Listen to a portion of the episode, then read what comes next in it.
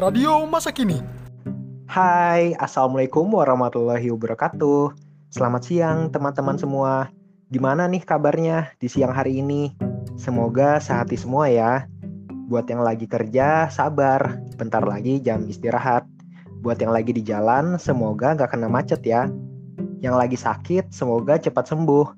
Dan buat teman-teman semua yang lagi sekolah atau lagi kuliah, tetap semangat kembali lagi nih di siaran Neo Radio FKIP Wika Bogor. Siang hari ini saya Raja Tirta Samudra akan menemani siang hari kalian yang cerah ini tetap dengan informasi yang menambah wawasan dan seru-seru tentunya. Hari ini saya akan membawakan sebuah drama berjudul Masa Depanku Pilihanku yang diperankan oleh narator saya sendiri Raja Tirta Samudra Anissa sebagai ibu, Dea sebagai Bila, Marsha sebagai Rika, Masyafa sebagai Sasa, saudara saya sebagai nenek, Siva sebagai Nia, Rizka sebagai Bibi, dan saudaranya Masyafa sebagai MC. Oke deh, kita langsung dengarkan aja yuk dramanya.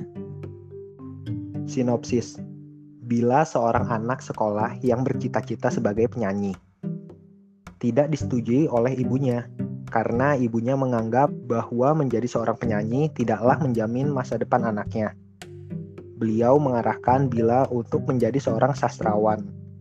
Bila tidak ingin menjadi seorang sastrawan dan bertekad dengan bantuan temannya, Sasa dan Rika, ia akan menunjukkan kepada ibunya bahwa menjadi seorang penyanyi juga bisa menjadi orang yang sukses. Bila Itulah panggilan seorang anak yang terlahir dari keluarga sederhana. Banyak orang berpikir ia adalah anak yang manja, tapi tidak dengan kenyataannya. Selama ini ia masih bingung dengan siapa jatinya sebenarnya. Ia tidak bebas menentukan pilihannya selayaknya anak remaja lainnya, melainkan selalu dalam tuntutan orang tua. Bahkan hobinya sekalipun tidak dapat ditentukan sendiri orang tuanya selalu menuntutnya menjadi seperti yang mereka inginkan. Bila, kamu di mana, Nak? Aku di teras, Bu. Oh, kok kamu kenapa belum persiapan berangkat? Ayo cepat, nanti terlambat loh. Hari ini kan ada jadwal kursus puisi, dan sebentar lagi akan ada lomba puisi. Mandi dulu sana. Tidak, Kenapa sih ibu selalu memaksaku untuk mendalami puisi? Kenapa ibu tidak pernah bertanya apa keinginanku? Kenapa ibu selalu menuntutku menjadi seperti yang ibu minta? Bicara apa sih, nak? Ibu melakukan semua ini demi masa depanmu. Ibu ingin kamu menjadi seperti Hoiril Anwar yang pandai membuat, membaca puisi, dan menjadi orang yang sukses. Tapi aku tidak suka, Bu. Apa orang sukses harus jadi sastrawan? Tidak kan? Aku ingin mencari jati diriku sendiri dengan menjadi seorang penyanyi, Bu. Apa itu salah? Tidak, ibu tidak menyetujuinya. Seorang penyanyi itu tidak memiliki masa depan yang cerah. Mereka hanya membuang-buang waktu dan tenaga. Tapi kalau menjadi seorang sastrawan, kamu pasti jadi orang sukses dan dikenal banyak orang.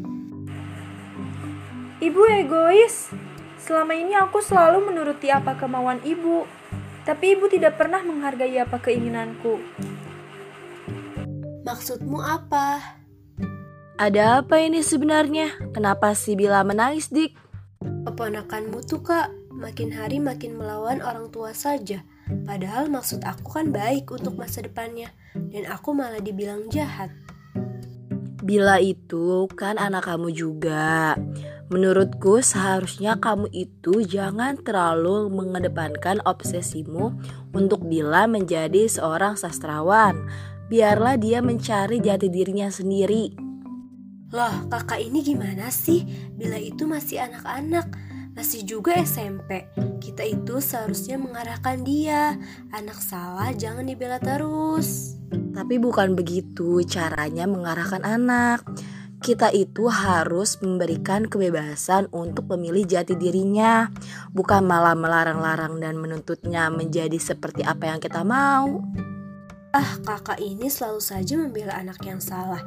Buktinya Nia, aku arahkan astronomi. Sekarang dia jadi orang sukses kan kak? Tapi setiap anak itu beda-beda dik Setiap anak itu tidak sama Nia mendalami astronomi kan karena terpaksa menjadi ilmuwan Ya jelas saja dia mau Dia itu kan penurut dan penakut Ah, terserah kakak saja deh.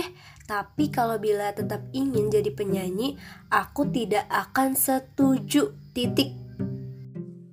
Aduh, ibu sama anak sama-sama susah dikasih tahu ya Ketika Bila berlari sambil menangis, tiba-tiba bertemu dengan sahabatnya, Rika dan Sasa yang tidak sengaja lewat.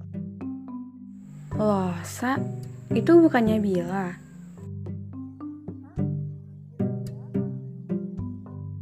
Ya, Bila sahabat kita lah.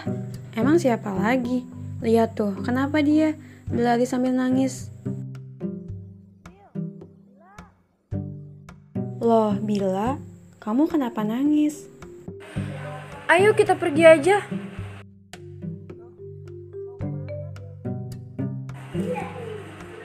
Udah, yang penting jalan saja, tidak usah banyak tanya. Iya, iya. Tiba-tiba mendadak berhenti. Lah lah, kok berhenti?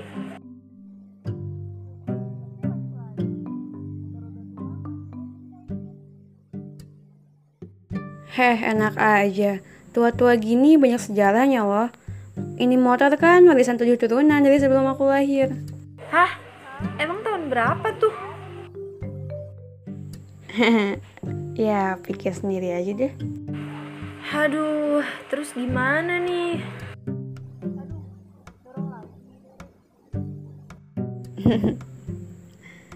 Udah, cepetan, jangan banyak omong.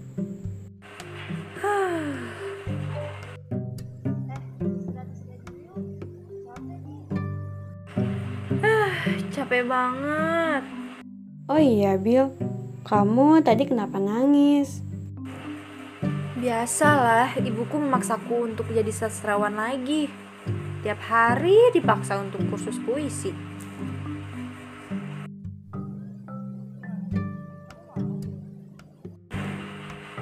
Ya tidak lah. Hmm, besok pagi aku ingin ke rumah nenek ah. Aku ingin tinggal di sana sementara. Ya, baiklah kalau itu keputusanmu. Kita sebagai teman mendukung saja. Tapi kamu harus pikirkan baik-baik dulu ya sebelum mengambil keputusan. Iya, pasti. Sekarang kita pulang aja yuk. Yuk, Keesokan paginya ketika Bibi Bila membangunkan Bila untuk siap-siap sekolah, Bila, bangun nak. Apa kamu tidak sekolah? Bila, buka pintunya nak. Bila, loh tidak dikunci. Bila, lo kertas apa ini? Dik, adik.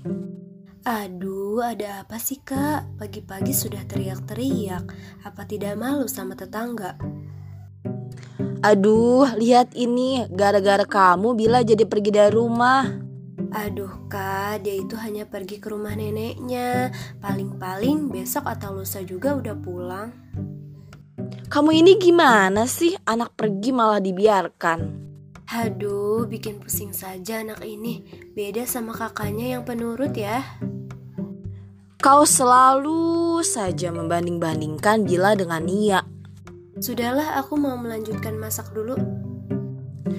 Huh, kamu harus datang ke rumah ibu dan membujuk Bila pulang. Aduh, iya iya. Assalamualaikum, Nek. Waalaikumsalam. Loh, ada apa datang pagi-pagi? Kenapa dengan matamu, Bila? Aku ingin tinggal sementara di sini, Nek. Karena ibu selalu memaksaku untuk menjadi sastrawan. Jadi, ceritanya kamu kabur dari rumah. Iya, Nek. Tidak apa-apa kan? Sebenarnya nenek sangat senang kamu tinggal di sini. Tapi jika ada masalah dengan ibumu, selesaikan dengan baik-baik cucuku. Sini-sini, mendekatlah. Tatap mata nenek. Iya, Nek. Yang melahirkanmu siapa? Ibu, Seorang ibu melahirkan seorang anak itu butuh perjuangan dan pengorbanan. Selama sembilan bulan ibu mengandungmu dan membesarkanmu. Ketika kamu buang air, ibu mulai yang membersihkan. Ketika kamu lapar, ibumu yang menyuapimu. Dan sekarang ibumu memintamu untuk menjadi sastrawan. Kamu tidak mau. Assalamualaikum. Sudah, Bu. Aku kangen sekali sama Ibu, Bibi, dan Bila. Iya nak, bagaimana kuliahmu di Jerman? Baik-baik aja kan? Pastinya, Bu. Nanti aku ceritakan kegiatan aku di Jerman. Hmm, ngomong-ngomong, Ibu mau ke mana? Dan Bila di mana, Bu? Ini loh Nia, ibu mau ke rumah nenek kamu buat ngejemput Bila. Ada apa, Bu, sama Bila? Tumben dijemput. Biasalah nak, adikmu yang satu itu susah diatur. Aku ikut ya, Bu, ke rumah nenek. Loh, sebaiknya kamu istirahat saja di rumah nak, kan kamu baru datang. Tidak, ah, Bu. Aku juga kangen sama nenek. Ya sudah, ayo. Assalamualaikum bu. Waalaikumsalam. Nenek, Nia, kamu sudah pulang, Cuk? Iya, Nek. Aku kangen banget sama nenek. Nenek juga, Cuk. Ayo masuk-masuk. Bagaimana kabar kamu? Alhamdulillah baik, Nek. Nenek sendiri baik juga kan? Diabetesnya nggak kambuh-kambuh lagi kan, Nek? Kamu ini, alhamdulillah tidak. Ya, hanya biasalah penyakit orang tua, encok. Hmm, nenek ini. Oh iya, Bila di mana, Nek? Assalamualaikum. Assalamualaikum. Itu bila datang. Bila, adikku sayang. Kakak, kakak sudah pulang. Udah sayang, kamu baru pulang sekolah ya? Iya, Kak. Hai kak, Hai kalian, lama tidak berjumpa ya. Bila, ayo pulang. Tidak ah, Bu. Kalau bila pulang hanya karena disuruh jadi apa yang ibu inginkan, aku tidak mau. Bila kamu itu harus nurut apa kata ibu. Tidak, aku tidak mau. Sebenarnya ada apa sih ini? Tika, kamu itu jangan memaksakan kehendakmu sama anakmu. Kamu juga harus beri dia kebebasan menentukan pilihannya sendiri. Bu, dia itu masih anak-anak. Jadi aku itu ingin mengarahkan Bila agar menjadi orang sukses seperti Nia. Oh itu masalahnya. Menurut aku, aku sama Bila itu nggak sama bu. Mungkin aku dulu terlalu nurut kata ibu, sehingga ibu yang menentukan masa depanku. Aku tidak bisa memilih karena aku takut untuk menolak perintah ibu. Tapi aku minta sekarang biarkan untuk Bila memilih sendiri jati dirinya bu. Aku tidak ingin Bila merasa terpaksa seperti apa yang aku rasakan dulu. Tapi ibu tidak salah kan mengarahkan kamu selama ini? Toh sekarang buktinya kamu jadi orang yang sukses. Semua itu atas dorongan siapa? Ibu kan? Tapi Tika, kamu jangan memaksakan Bila. Nanti dia akan menjadi anak yang memberontak sama orang tua. Biarkan dia milih masa depannya sendiri. Dan seharusnya kamu mendukung apa keinginannya. Lagi pula penyanyi itu kan hal yang positif. Tapi bu, penyanyi itu masa depannya gak jelas. Sudahlah, ibu sama aja seperti kakak, selalu membela Bila dengan keinginannya yang tidak jelas itu. Aku pulang aja kalau gitu.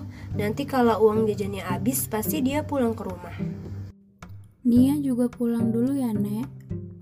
Bu, aku pulang dulu. Assalamualaikum. Waalaikumsalam. Hati-hati ya.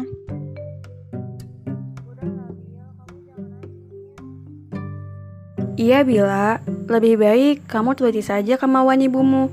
Mungkin itu yang terbaik untukmu.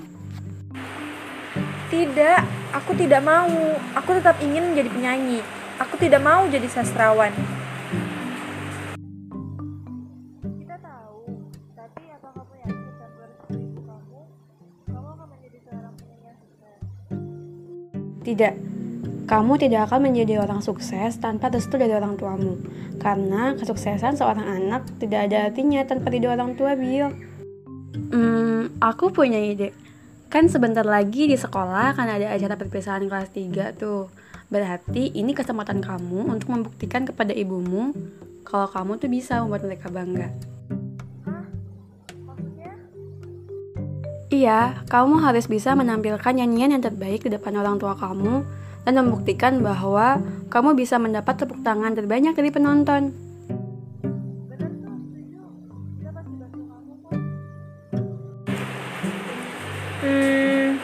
Bener juga kata kalian.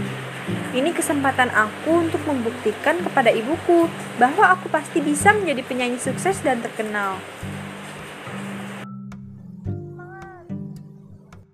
Semangat! Acara selanjutnya, kita tampilkan sebuah lagu yang akan ditampilkan oleh siswa terbaik di sekolah ini. Kita sambut Bila, Sasa, dan Rika. Wow, keren sekali, Bu. Ibu harus bangga. Lihat saja penonton semuanya memberi tepuk tangan dengan meriah. Ya nggak, Nek? Bi. Iya nih ya, Bi bangga sama adik kamu. Iya kan, Bu? Cucuku sayang, nenek bangga denganmu. Hmm, iya, ibu sekarang sadar bahwa apa yang ibu inginkan belum tentu disukai juga dengan orang lain. Ternyata menjadi seorang penyanyi itu bukan suatu hal yang buruk. Justru sekarang ibu bangga sama Bila. Dia bisa menyadarkan ibu bahwa ambisi ibu untuk menekan dia menjadi seperti yang ibu inginkan itu salah. Ibu, nenek, bibi, Kania, Bila, maafkan ibu ya nak. Selama ini ibu selalu menuntut kamu untuk jadi seperti apa yang ibu inginkan, tanpa memikirkan keinginan kamu. Iya bu, Bila juga minta maaf ya jika selama ini Bila sering membantah kata-kata ibu. Ibu bangga banget sama kamu Bila Dan ibu juga bangga banget sama kamu Nia Nenek bangga punya cucu seperti kalian. Kemanakanku semuanya berbakat ya. Yeay! Akhirnya, mereka menjadi keluarga yang saling menghargai satu sama lain dan hidup bahagia. Pesan moral dari drama kami adalah jangan memikirkan keinginan diri sendiri, tetapi pikirkanlah keinginan orang lain pula. Hargai dan hormati orang lain. Berpikirlah sebelum menentukan suatu keputusan.